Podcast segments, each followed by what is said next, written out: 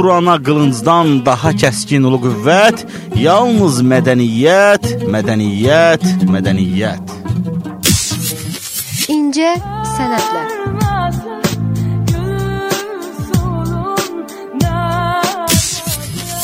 Ruhunuzun qidası avanqardda. Qız hara evə gec gəlmək hara. Sevib evlənmək yoxsa valideyn məsləhəti? Oğlandan qıza dost olmaz. Sevgide yaş vergi önemli değil.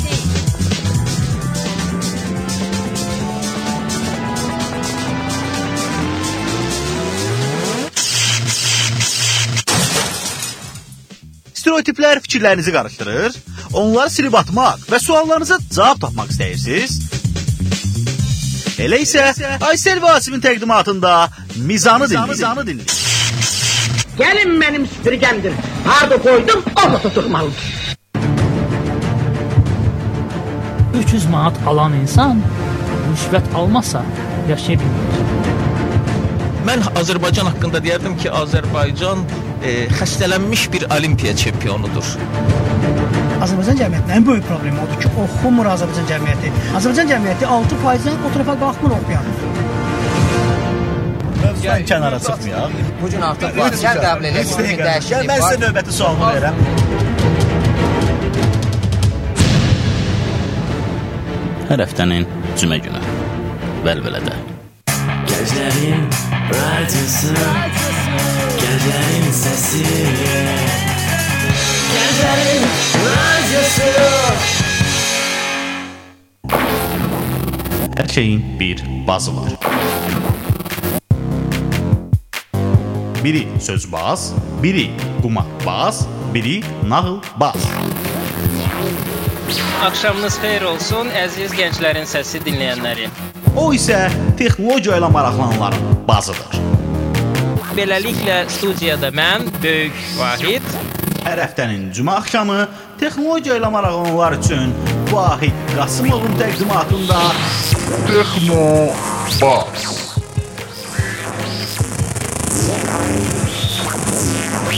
Texnologiya ilə bağlı hər şey. Texnobazda.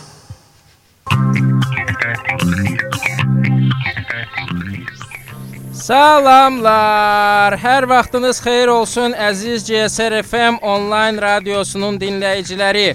Yayın axırıncı günlərində nə vaxt ki cəmaət son yay günlərinin keyfini çıxartmağa çalışır, Gənclərin Səsi radiosunun kollektivi qısa bir həftəlik tətildən sonra yeni yayım dövrünə yeni verilişlər və yeni formatlarla yayımını davam etdirir.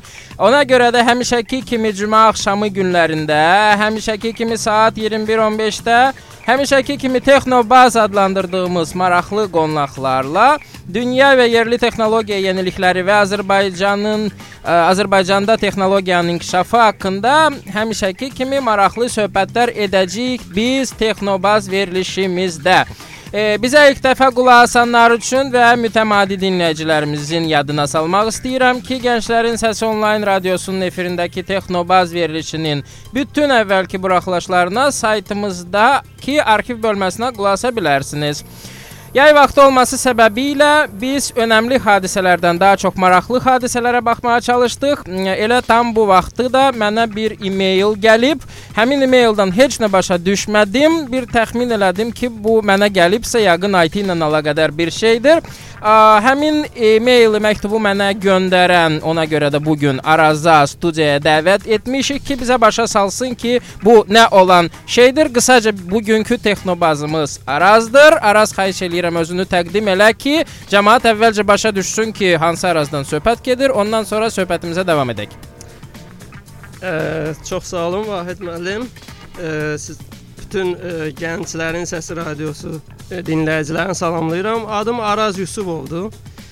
Bəzilərinə tanış ola bilərəm. Qısaca təqdim edim özümü ki, ə, Tətbiqi Riyaziyyat və Kibernetika fakültəsi məzunuyam Bakı Dövlət Universitetində. Bir. E, 1993-cü ildə qəbul olmuşam. 2. 99-cu ildən 2009-cu ilə qədər orada dərs demişəm.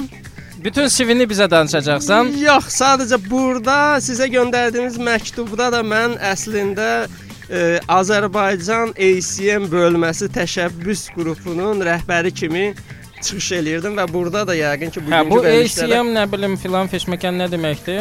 Çox yaxşı sualdır. E, əslində e, tətbiqi riyaziyyat və kibernetika ağır səslənsə də o fakültəni seçməyin və bir çox gənclərin də o fakültəni vaxtilə seçməyin səbəbi proqramlaşdırma ilə maraqlanmağım, kompüter texnologiyaları, informasiya texnologiyaları maraqlanmağım olub.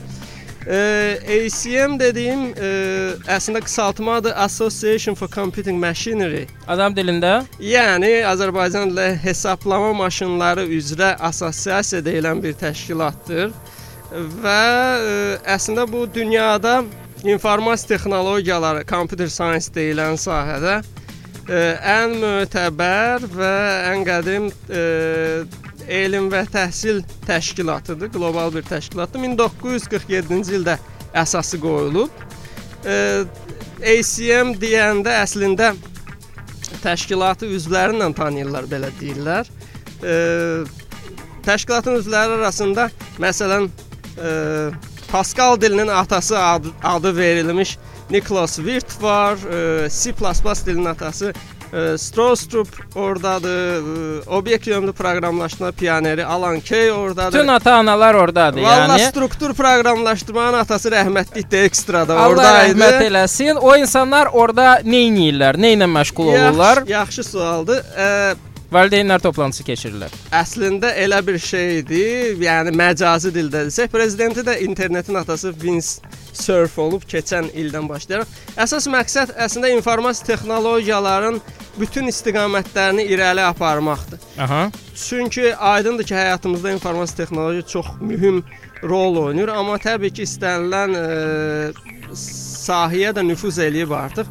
Nəinki elm sahəsi olmağından çıxıb ACM həm e, informasiya texnologiyaların elmi, nəzəri tərəflərini, həm praktik tərəflərini, həm sənət yönümünü, həm tətbiqi tərəflərini irəli aparmaq məqsədi daşıyan Bu texnik və sənət birinci dəfədir belə bir inteqrasiya qarşımıza çıxır. Bəli və e, qlobal bir təşkilatdır ki, çox mötəbər e, konfranslar keçirməyə məşhurdur. E, informasiya, informatikanın Nobel mükafatı məcazi dildə adlandırılan Turing mükafatını bu təşkilat verir. Aha. E, dünyada ən mötəbər proqramlaşdırma e, yarışması olan ACM, ICPC deyilən Olimpiadalarda iştirak edənlər bunu eşidiblər Bəli, 100%. təbii ki. Və bu bu təşkilatın egidası alt, altında keçir və bəlkə də ən vacibi ACM-in e, rəqəmli kitabxanası çox vacib bir resursdur ki, orada həm ən köhnə, e, yəni belə deyək, informasiya texnologiyanın başlanğıcında duran e, yeniliklər və həm də son günlərdə olan ən son nailiyyətlər, məqalələr, konfrans materialları formasında orada saxlanır. Hı -hı. Yəni bu təşkilat bu işləri görür. Bundan əlavə həm də təhsil, informasiya texnologiyaları, computer science-da təhsil barədə müəyyən məsləhətlər verir qlobal qlobal səviyyədə.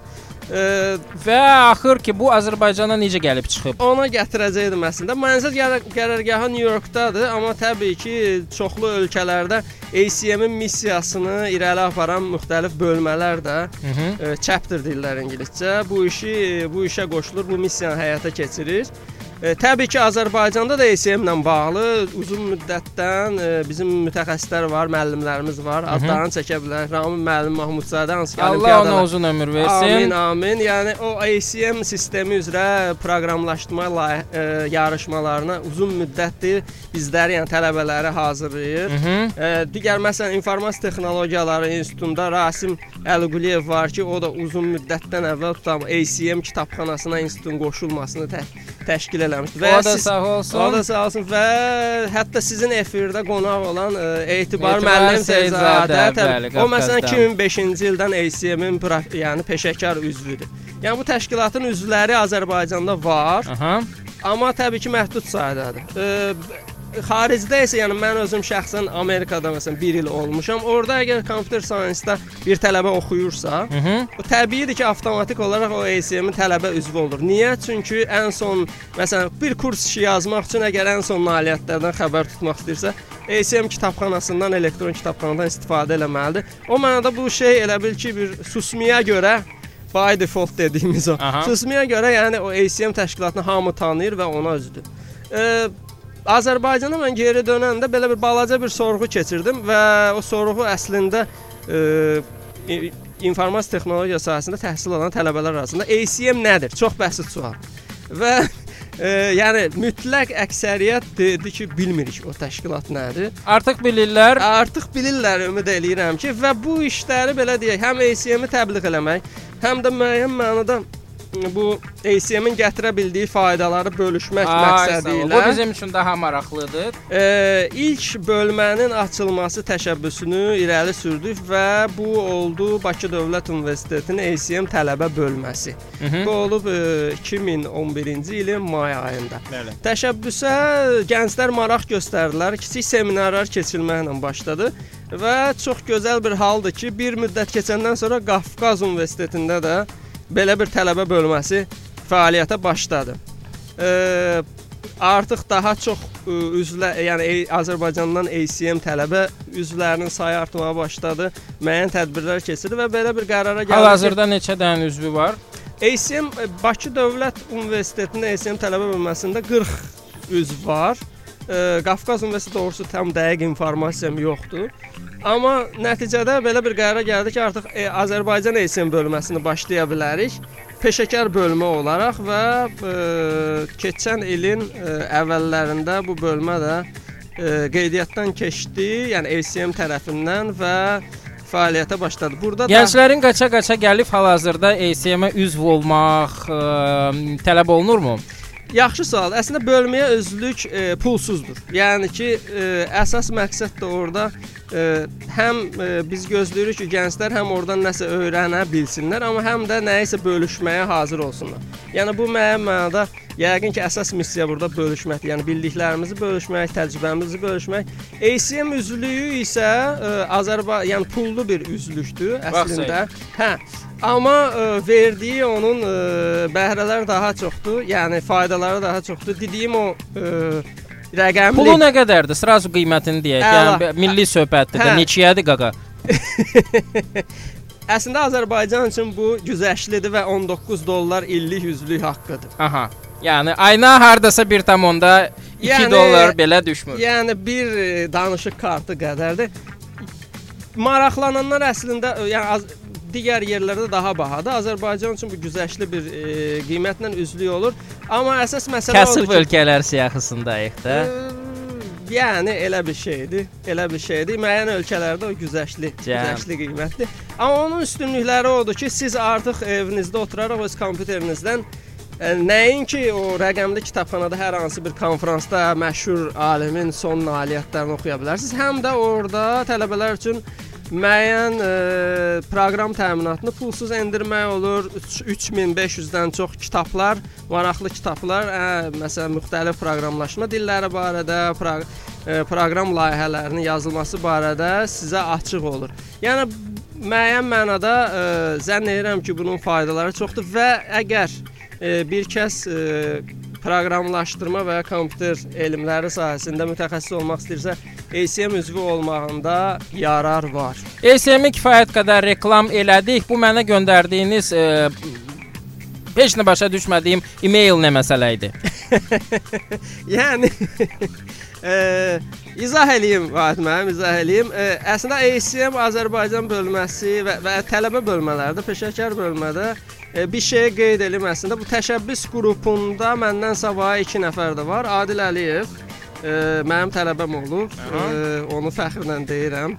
Sağ olsun. Bakı Dövlət Uni- Universiteti bizim fakültənin məzunudur və orada dərs deyir artıq özü bir IT şirkəti ə, artıq ə, açıb və işləyirlər. Ondan əlavə də Ramin Orucov yəqin ki, dinləyicilərinizin çoxu tanıyır. O da Qafqazın məzunudur. Qafqaz Universitetində dərs deyir, şirkətdə işləyir, IT məşhur IT mütəxəssisidir. Yəni bu bir qrupdur. Amma yəni məqsəd ə, bu vaxta qədər yəni çox məhdud qrup üçün maraqlı ola biləcək müəyyən seminarlar keçirilirdi. Məsələn C++ üzrə, Java üzrə ya hər hansı bir tutalım peşəkar üzvümüz e, bir sahədə tutalım əgər grid computingdə mütəxəssis o grid computinglə maraqlanan uşaqlar seminar keçir. Yəni çox məhdud qruplar üçün kiçik-kiçik E-mailimdə nə yazılmışdı? Bizim belə bir fikir oldu ki, e, daha geniş auditoriya e, yəni e, yaxın ola biləcək bir tədbir keçirək və bu e, fikir e, kinofilmin nümayişi oldu. Aha. Və bu kinofilmin adı müstəqil oyun kinofilm. Yəni Indie Game The Movie deyilən bir filmdir. Sənədli filmdir, indidən deyim. E, Sundance Kino Festivalında kifayət qədər mötəbər festivaldır. 2012-ci ildə ən yaxşı sənədli film e, kimi mükafat alıb. Doğrusu bu belə bir belə başladı ki, yəni bu filmi mən gördüm, mənim mənada e, çox bəyəndim. Çünki bu e, video Özdə oyun qədim bir film də deyil, Deyil, yeni deyil. bir Yeni bir filmdir filmdir, e- və bütün dünyada da o səhv eləmirəmsə ayın 19-u efirə çıxmışdı. Bizdə Deyil. niyə belə gecikib, hardasa 1 ay? Mən izah bir aydan da çoxdur əslində. Yəni bir ay deyil, daha çoxdur. Amma bir şey deyim ki, bu e, vid video oyun proqramçılar və video oyun tərtibatçıları barədə ilk tam metrajlı sənətli filmdir. Və gecikməyin də müxtəlif səbəbləri var. Birincisi bizə gec çatıb, ikincisi prinsipal olaraq biz fikirləşdik ki, bu filmi nümayiş etdirəcəksə, onu Azərbaycan dilində subtitrlərlə mütləq eləməliyik və bəndəniz bu işə girişdi və subtitrlərini Azərbaycan dilində hazırladıq. Tak, bu mərhələdə gəl deyənək, biz bir xeyli söhbət elədik, mən yoruldum. Gəl əvvəlcə biz bir balaca dincələk, bir musiqili pauza verək, ondan sonra söhbətimizə davam edək bu film barədə. Olarmı? Kompüterlərlə bağlı musiqi olacaq da yəni. Ə, 100%, 100%. Okay, onda hə.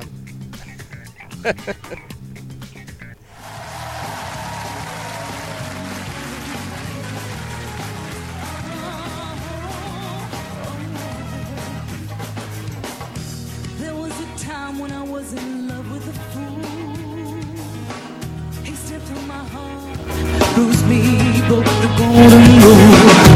There was a time when I couldn't tell weak from strong.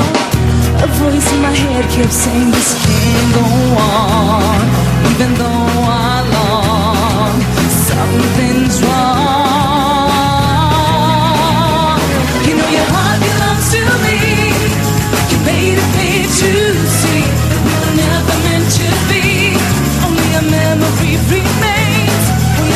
belongs to me.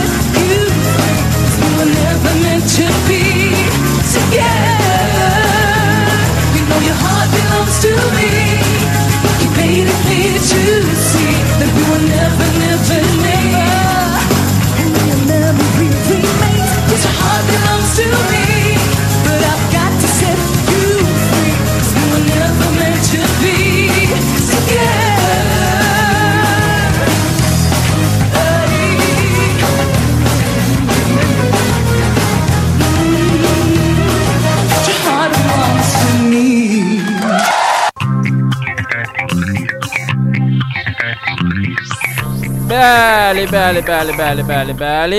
Musiqiyə qulaq astıq. Ondan əvvəl də ə, Araz bəy bizə axır ki, söylədi bu ACM Azərbaycan nə ilə məşğuldur? Film göstərməklə məşğuldur.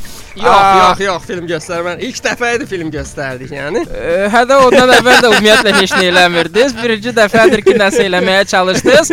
Heç kim də heç nə maildən başa düşməmişdi, ancaq ona ilişdirilmiş bir PDF fayl var idi. Orada Azərbaycan dilində yeganə şey yazılmışdı ki, bunu çap eləyin filan yerə gəlin. Aha. Filan yerdə ə, ə, Metro Parkdakı Park Sinema salonu Onu idi. xüsusi qeyd eləməliyəm. Hə. Azərbaycan dilində ancaq onu çap elədiniz, ancaq onu başa düşdük. Cəmaət də yəqin ki, mənim kimi elə çap elədilər, gəldilər belə ə, heç nə başa düşmədən. Hamı da deyirdi ki, bu nədir, bu nədir? Ə, bu nədirlə əlaqədar biz bir balaca orada sorğu keçirtdik, cəmaətlə söhbət elədik ki, bunlar bundan nə gözləyirlər? Ə, mən həmin süjeti sizə ə, qulaq asdırmaq istəyirəm. Ondan sonra ə, açıqlama verərsiniz.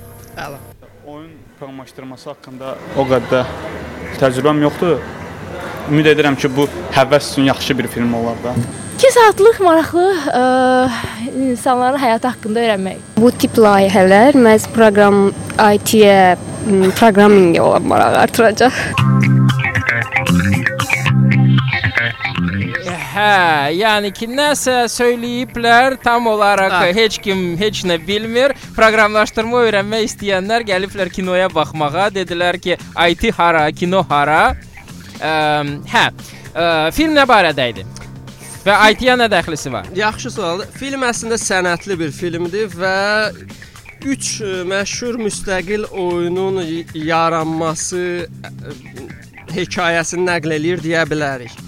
Sənətli film ə, olduğundan və müəyyən mənada proqramlaşdırma, proqramlaşdırma ilə məşğul olan proqramçı və oyun tərtibatçılarına aid olduğundan bizim ilkin olaraq da fikrimiz belədir. Çox məhdud sayda adamı maraqlandıra bilər.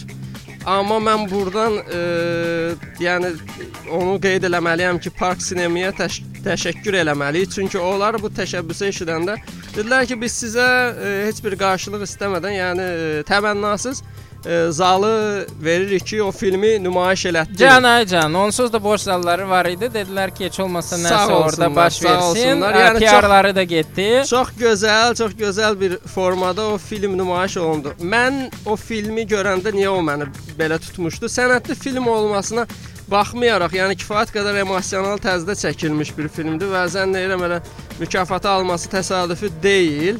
Orda həm e, proqramlaşdırma ilə maraqlanan e, gənclər üçün o yaradıcılıq prosesinin müəyyən məqamları, müəyyən bəlkə də bizdə o bir klişeyə dönüb filan elmin sirlərini öyrənmək, nə bilim, o o Ağıllı insanlar Hə, üçün hə, hə. həqiqətən elədir. Bu Hə. mənim ikinci izlədiyim film idi ki, mən ondan bir xeyli şeylər öyrəndim. Birincisi ə, The Facebook ə, filmi idi, hansı ki, səhv eləmirəmsə O bədii iki il filmdir, bəli. əvvəl nümayiş elədi, Bəli. olunmuşdu. Mən ondan bir xeyli şey öyrəndim. Hərçənd millət onu sadəcə maraq üçün izləyirdi və bu artıq ikinci film idi, hansından ki, bir xeyli faydalı Hə, şeylər görürsüz Vahid müəllim siz yaxşı ki olubsuz o fil, e, filmin nümayişində və Aa, çox sevinirəm ki siz bir müsbət şeylər görübsüz orada.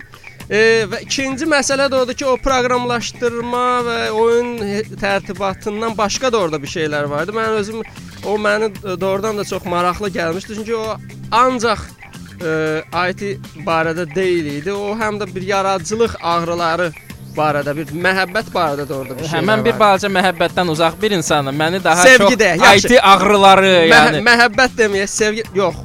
Məncə istənilən sahədə sevgi olmasa o sahə irəli gedə bilməz. Axırda evləndilər.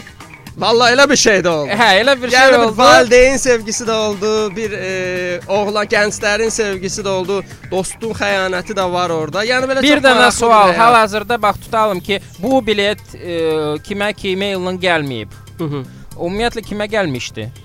Yaxşı sualdır. Əslində o zal çox iri bir zal idi və biz belə bir elan verdik öz həm Facebook səhifəmizdə, həm bir neçə ə, qruplarda, həm də Park Sinema öz səhifəsində elan verdi ki, qeydiyyat üçün bir ə, veb sayt ə, açıq idi və istənilən şəxs həmin film Cəmaət bu veb saytı hardan tapmaq ə, olar? həmin elandan, həmin elandan ə, Da tapıb elan gələndən sonra bilet də gəlib də, neynirəm mən? Vay, mən- Ondan əlavə bir reklam zat var idimi, yoxsa cəmaət getməli idi çıldağa ki, çıldaq desin ki, belə bir sayt açılıb? əslində elə o reklamla biz kifayətlənmişdik.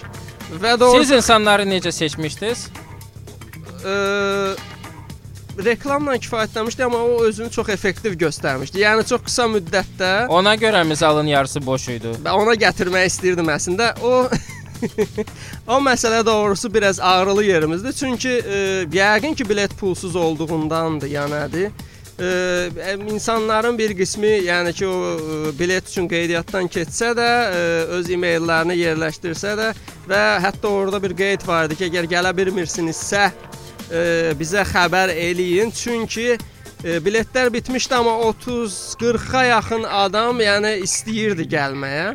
E, təəssüf ki, biz onların çoxunu, yəni çox az adam e, yazdı ki, biz gələ bilmirik. Onların ancaq bir az qismini Günah ancaq və ancaq sizdədir. Çünki mən belə göndərilən e-maildən heç nə başa düşməmisənsə, o insanların başa düşməməsi çox normaldır. Sizi xüsusi olaraq mən intuitiv olaraq hiss elədim ki, sizi xüsusi olaraq dəvət eləmişdi əslində. Çünki bir bir bir neçə sıra xüsusi olaraq mənim mənada bu sahədə ə, sözünü demiş, tanıdığımız ə, mütəxəssislərə dəvətnamələr göndərmişdi və onların bir qismi gələ bildi, bir qismi də gələ bilmədi. Mən çox şadam ki, Vahid müəllim siz gələ bilmişdiniz. mən də çox şadam.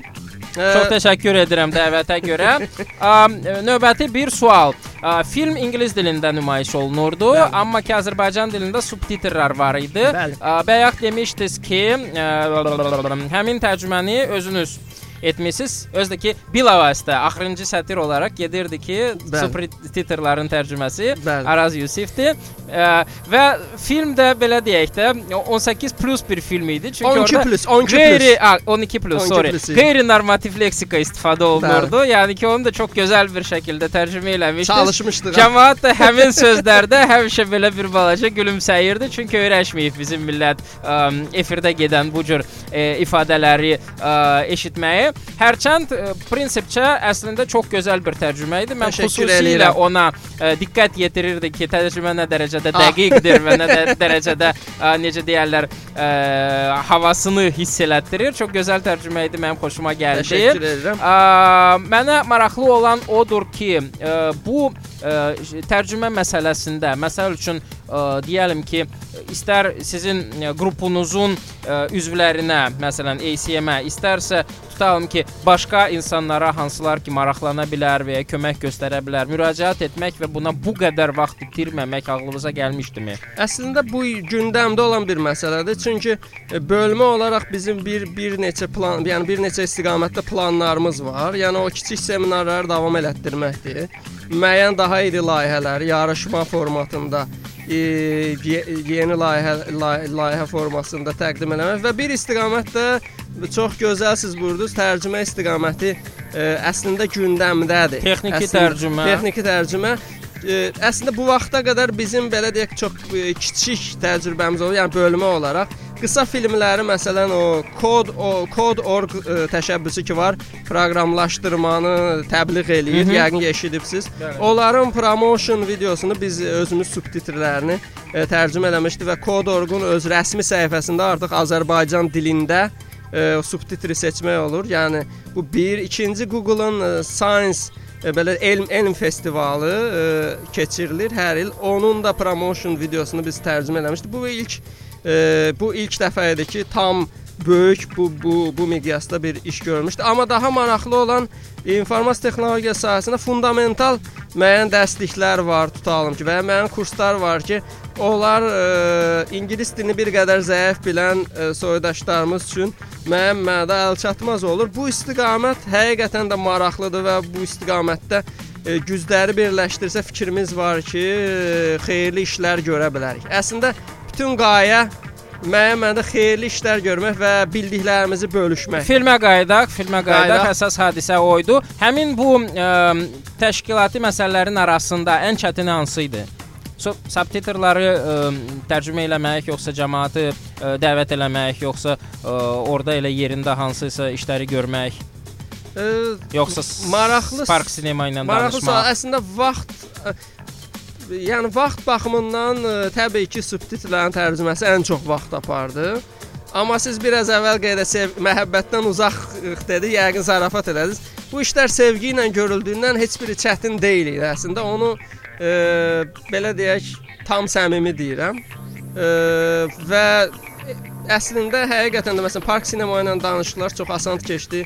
Sağ olsunlar, yəni çox müsbət yanaşdılar bu işə. Ə, həm gənclərin səsi radiosuna da burdan təşəkkür eləmək istəyirəm. Çünki həm müxbirləri gəldi, həm ə, bizə kömək elədilər müəyyən mənada media vasitələrinə, yəni onlara da təşəkkür eləmək istəyirəm. Ə, Bundan başqa Bakı Dövlət Universiteti ESM tələbə bölməsində könülləri var idi. Təşkilati işlərdə onlar məsələn e, biletlərin yoxlanması, həmin gün tutan müəyyən təşkilati işlərdə kömək elədilər. Zənn edirəm burada e, müəyyən mənada gördüyümüz işə sevgi ilə yanaşmağımız və e, Allah sevginizi artıq eləsin. Növbəti film nə vaxt olacaq? Yaxşı sualdır əslində. E, doğrusu belə bir film indi e, yəni gündəmimizdə yoxdur. E, Aha. Həl-hazırda. Amma e, bu təcrübə çox maraqlı oldu. Niyə? Onu demək istəyirəm ki, mən də narahat idim. Birinci e, bütün e, qeydiyyatdan keçənlər gəlməmişdi. Necə olacaq, necə qarşılayacaqlar? Film başdan ayağa çox maraqla izləndi. Ən azı kənardan baxanda elə görünürdü. Və axırda tamaşaçıların alqışları təbii Bu ki momentdə mən istəyirəm ki, üçün- filmdən sonra götürdüyümüz bəzi müsahibələrə qulaq asaq ki, ə, yəni biri var siz deyirsiniz ki, filmi maraqla halda Biri də var ki, cəmaət Qeyd nələr deyirlər. ki, o bizim üçün ən böyük təşəkkür idi. Yəni o axırdakı alqışlar bizim üçün ən Hələ böyük bir qulaq asaq, ondan sonra Görəsən davam eləyərik. Görəsən nə deyiblər? barədə real kinoya baxdım bu gün. Doğrudan da proqramistlərin həyatını əks elətdirən bir kinodur.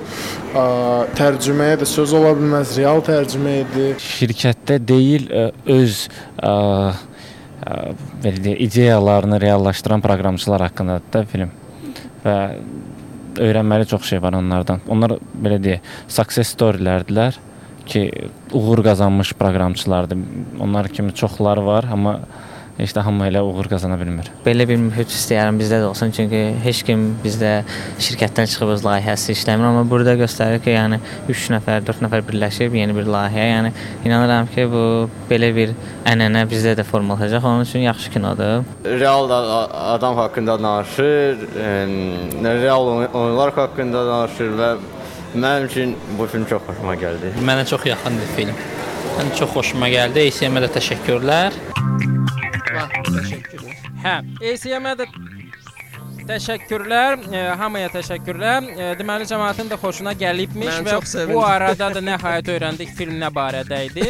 E, film e, oyunların proqramlaşdırılması ilə məşğul olan məş, məşğul, məşğul olan proqramçılar barədə idi. Bəli. Hansılar ki, məhz e, 500 nəfərlik, 1000 nəfərlik şirkət nəzdində proqramçı olaraq işləyənlər yox, məhz şəxsi təşəbbüs Müstəqil, müstəqil e, şəxsi təşəbbüs bəli ə, olaraq həmin işlə məşğul olurdu və ə, hal-hazırda ə, belə deyək də bu ildən etibarən Azərbaycanda ə, startaplar özəlliklə populyarlıq qazanmağa başladığı vaxtlar mən buna ə, diqqətinizi cəlb eləmək istəyirəm ki, əslində bunlar da bir startapdır. Hə, həmin insanlar da bütün vaxtlarını, bütün pullarını, yəni evlərini kirə, ə, girova qoyub ə, kredit alaraq bu işi görənlər və böyük bir ə, belə deyək də riskə girənlər olmuşdu neçə illərlə, yəni Bəli. neçə 4-5 il Bəli, çalışaraq oyunları ortaya çıxartmışlar. Ondan sonra qorxu ilə izləyirdilər ki, ə, onların deməli oyunları nə dərəcədə maraqla qarşılanacaq, pullarını qaytara biləcəklərmi? Amma əsas olaraq pul deyil, əsas odur ki, insanlar ola Sevgi, bütün sevgi. bütün Sevgi. canlarını necə deyərlər, fikirlərini, düşüncəsini həmin oyunlara ə, qoyublar və insanlar onları başa düşəcəkmi, qəbul eləyəcəkmi, sevəcəkmi həmin oyunları ə, və happy end olaraq da deməli ə, Happy end oldu çox şükür ki. hə, yəni film ə, gerçi orada bir dənə oyun var idi, hansının ki Happy ə, endi olmadı doğrusu. ə, Hə, gö göstərmədilər, yəni Mən ki, o onu deyə bilərəm əslində bu il həmin o Fez oyunu deyirsiniz yəqin. Bu il həmin oyun ə, müstəqil oyunlar arasında bir ə, mükafat var məşhur, onu götürdü. Yəni uğurlu oldu. Nəhayət 5 ildən sonra çıxdı. Yox, bu qədər əziyyətdən sonra onu gözləmək olardı. Ə, ki, əlbəttə ki, əgər əziyyət varsa, səndən hərəkət, məndən bərəkət ə, məntiqi ilə ə, o müəyyən bir uğur qazanmalıdır hökmən və ə, ona mən diqqət ə, yetirdim ki, Azərbaycanda startaplar niyə inkişaf eləmir? Çünki cəmaət uğuru fikirləşmir. Fikirləşirlər ki, mən əvvəlcə hardansa bir pul tapım, ondan sonra işləməyə başlayım. Burada elə bir proses yox idi. Burada pulsuz da pullarını özləri bir yerdən taparaq, qohumların köməyi ilə işə başlayırlar. İllərini buna sərf eləyirlər, canlarını qoyurlar. Ondan sonra hər hansı bir nəticə əldə olunur. Yəni ki, mənim əslində filmdən ə, əldə etdiyim ən böyük ə, nəticə bu idi ki, məs uğur əldə etmək istəyirsənsə, bu şəkildə işləmək lazımdır. Elə. Yəni bu sevgi ilə. Bu bir film deyil əslində, bu bir həyat idi, real bir həyat idi. Çünki bu sənədli bir film kimi ə, Doğru. onu dəyərləndirmək olar da yəqin ki. Təbii, təbii, sənədli filmdir və əslində sizin o startap ə, fikrinizə qayıtmaq istəyirəm. Yəni özünüz bilirsiniz ki, ə, müəyyən mənada oyun proqramlaşdırma ilə hamımız maraqlanır. Yəni proqram ə, proqramlaşdırmanı öyrənən hər bir tələbə yəqin ki, bir dövr bir oyun yazıb. Ə, oyun bizim bir qanımızda olan bir şeydir. Yəni bu ə, həyatımızın ayrılmaz bir hissəsidir. Amma Azərbaycanda oyun proqramlaşdırma ilə məşğul olan belə deyək, Yəqin çox qrup yoxdur. Bir qrupun adını qeyd eləmək istəyirəm. Az Dimensions yəqin ki, eşitmişdiniz. Onların bir işğal altında layihəsi var idi. Bəli. Və onlar bu tədbirdə də bizim bir kiçik e, yarışma olmuşdu. Onun qalibinə də bir kiçik öz oyunlarını hədiyyə elədilər. Ə, əsas məsələ odur ki, filmin axırında da belə bir mesaj gedir ki, o uğur qazanmış o ə, tə, oyun tərtibatçı proqramçısı belə bir şey qeyd edir ki, mənim üçün ən böyük şey odur ki, bəlkə də hardasa bir uşaq var ki, gecəni yatmadı, gözlədi ki, bizim oyun çıxsın. Səhərsi gündə məktəbə getmədi. Çünki bütün gecəni oyunu oynayıb ki, oynayıb ki, yəni axıra çıxsın, amma daha vacibi bəlkə bir gün o dönüb fikirləşəcək ki, bunu iki qaqaş yazıb, yəni bu oyunu bəlkə mən də onu Bəli, eləyə bəli, bilərəm. Bəli, əslində mənim mənim də diqqətimdə qalmışdı. O mesaj və o dedi ki, bu əslində böyük xoşbəxtlikdir və bizim də müəyyən mənada e, eləmək istədiyimiz hamımızın, yəni biz e, sevdiyimiz bir e, belə deyə bir e, Ramin mənim bir söz var, deyir proqramçılıq e, dünyada ən gözəl peşədir. Kimimiz tam onunla məşğul ola bilir, məni kimi bəziləri uzaqlaşa bilər, amma yenə ürəyimizdə sevgi var o peşəyə və istəyirik bu sevgini bölüşək. Yəni gənclər də onunla maraqlansın. Hə, sevgi demişkən bütün sevgililərə, bütün sevdiyimiz insanlara buradan e, salamlarımızı çatdırırıq. Yəni filmdə belə IT filmində belə sevgi varsa bunu etməmək üçün Sevgisiz ə, heç nə mümkün deyil. Bəli, bəli, bəli. Bəli, mən ə, yad, yadlarına salmaq istəyirəm dinləyənlərin ki, bu ə, söhbət müstəqil oyun, kinofilm, Indie Game The Movie ə, filmindən ə, söhbət gedir. Ə, həmin filmin ə, belə deyək də Azərbaycan premyerasına ə, gələ bilməyənlər hansısa səbəbdən və ya xəbərləri olmayanlar ə, bunu hardan necə baxa bilərlər? Azərbaycan kinoteatrlarında bu bir də nümayiş olunacaqmı? Olunmayacaqsa onu internetdən bir yerdə izləməyə imkan varmı? Əslində bu film özünün maraqlı bir tərəfi odur ki, müstəqil rejissorlar tərəfindən e, çəkilib və bu o deməkdir ki, onlar həm operatorlardır özlərinin, həm prodüserlərdir və əslində o film də yəni rəqəmli formada distribusiya olunur əs əsasən. E, bi, e, bir şey deyə bilərəm ki, e, filmin öz veb saytı var və oradan e, çox uyğun qiymətə birinci filmi əldə eləmək olar. Aha.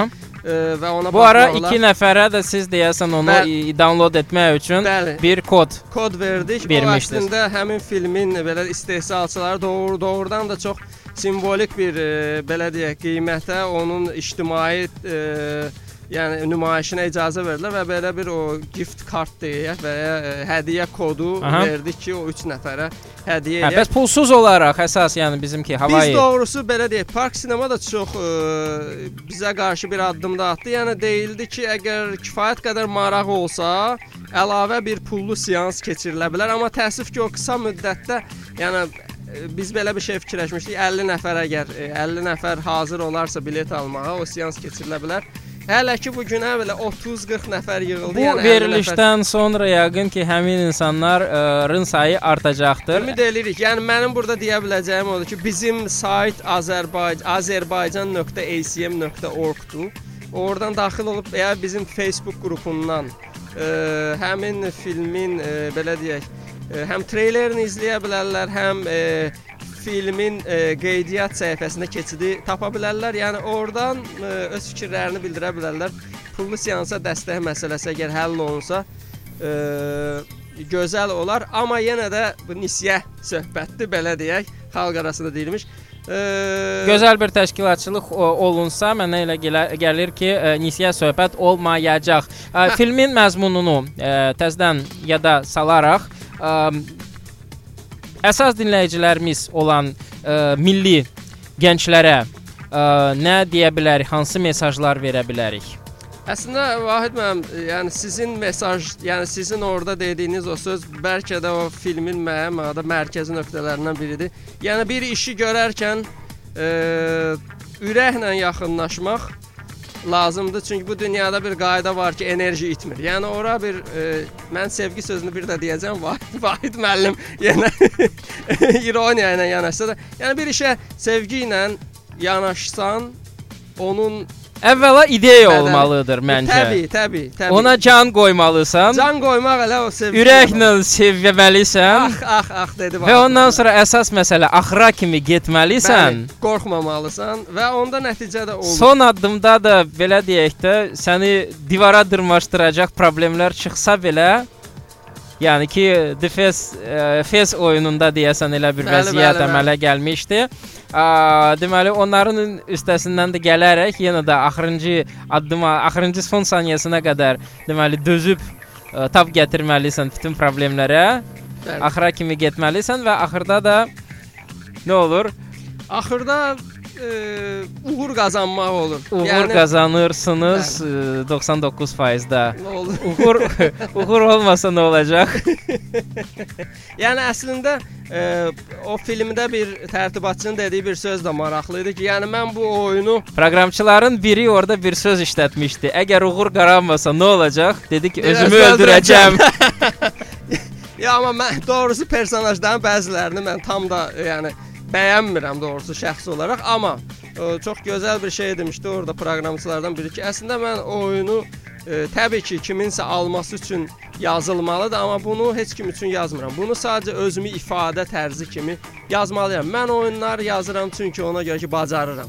Yəni bu yanaşma da var. Ə, bir işi ə, belə deyək, bir işin vurğunu olmaq, bir işin aludəsi olmaq, bir işin xəstəsi olmaq, bir işi sevmək özü gözəl bir şeydir və mən istəyərdim ki, proqramlaşdırmanı sevən gənclərimiz çox olsun, informasiya texnologiyalarını sevən e, gənclərimiz çox olsun və e, müəyyən mənada bu peşəyə sevgi ilə yanaşarkən həm də bəlkə bəziləri də oyun proqramlaşdırmasından maraqlana bilər. Və doğrusu mənə çox xoş oldu ki, məsələn seansdan sonra mənim bir keçmiş tələbəm də oradaydı. O indi peşə seçimini fikirləşir və dedi ki, bu oyun məni artıq tamamilə elə mən oyun proqramlaşdırması üzərində fikirləşəcəm və e, təhsilimi o istiqamətə davam Və salam, burada artıq verilişin nöqtəsini qoya bilərik. Gözəl maraqlı söhbətə görə təşəkkür edirəm. Bizi dinləyənlərə də təşəkkürümüzü bildirirəm. Görüşmək üzrə. Sağ olun. Sağ olun, sağ olun. Hər şeyin bir bazı var.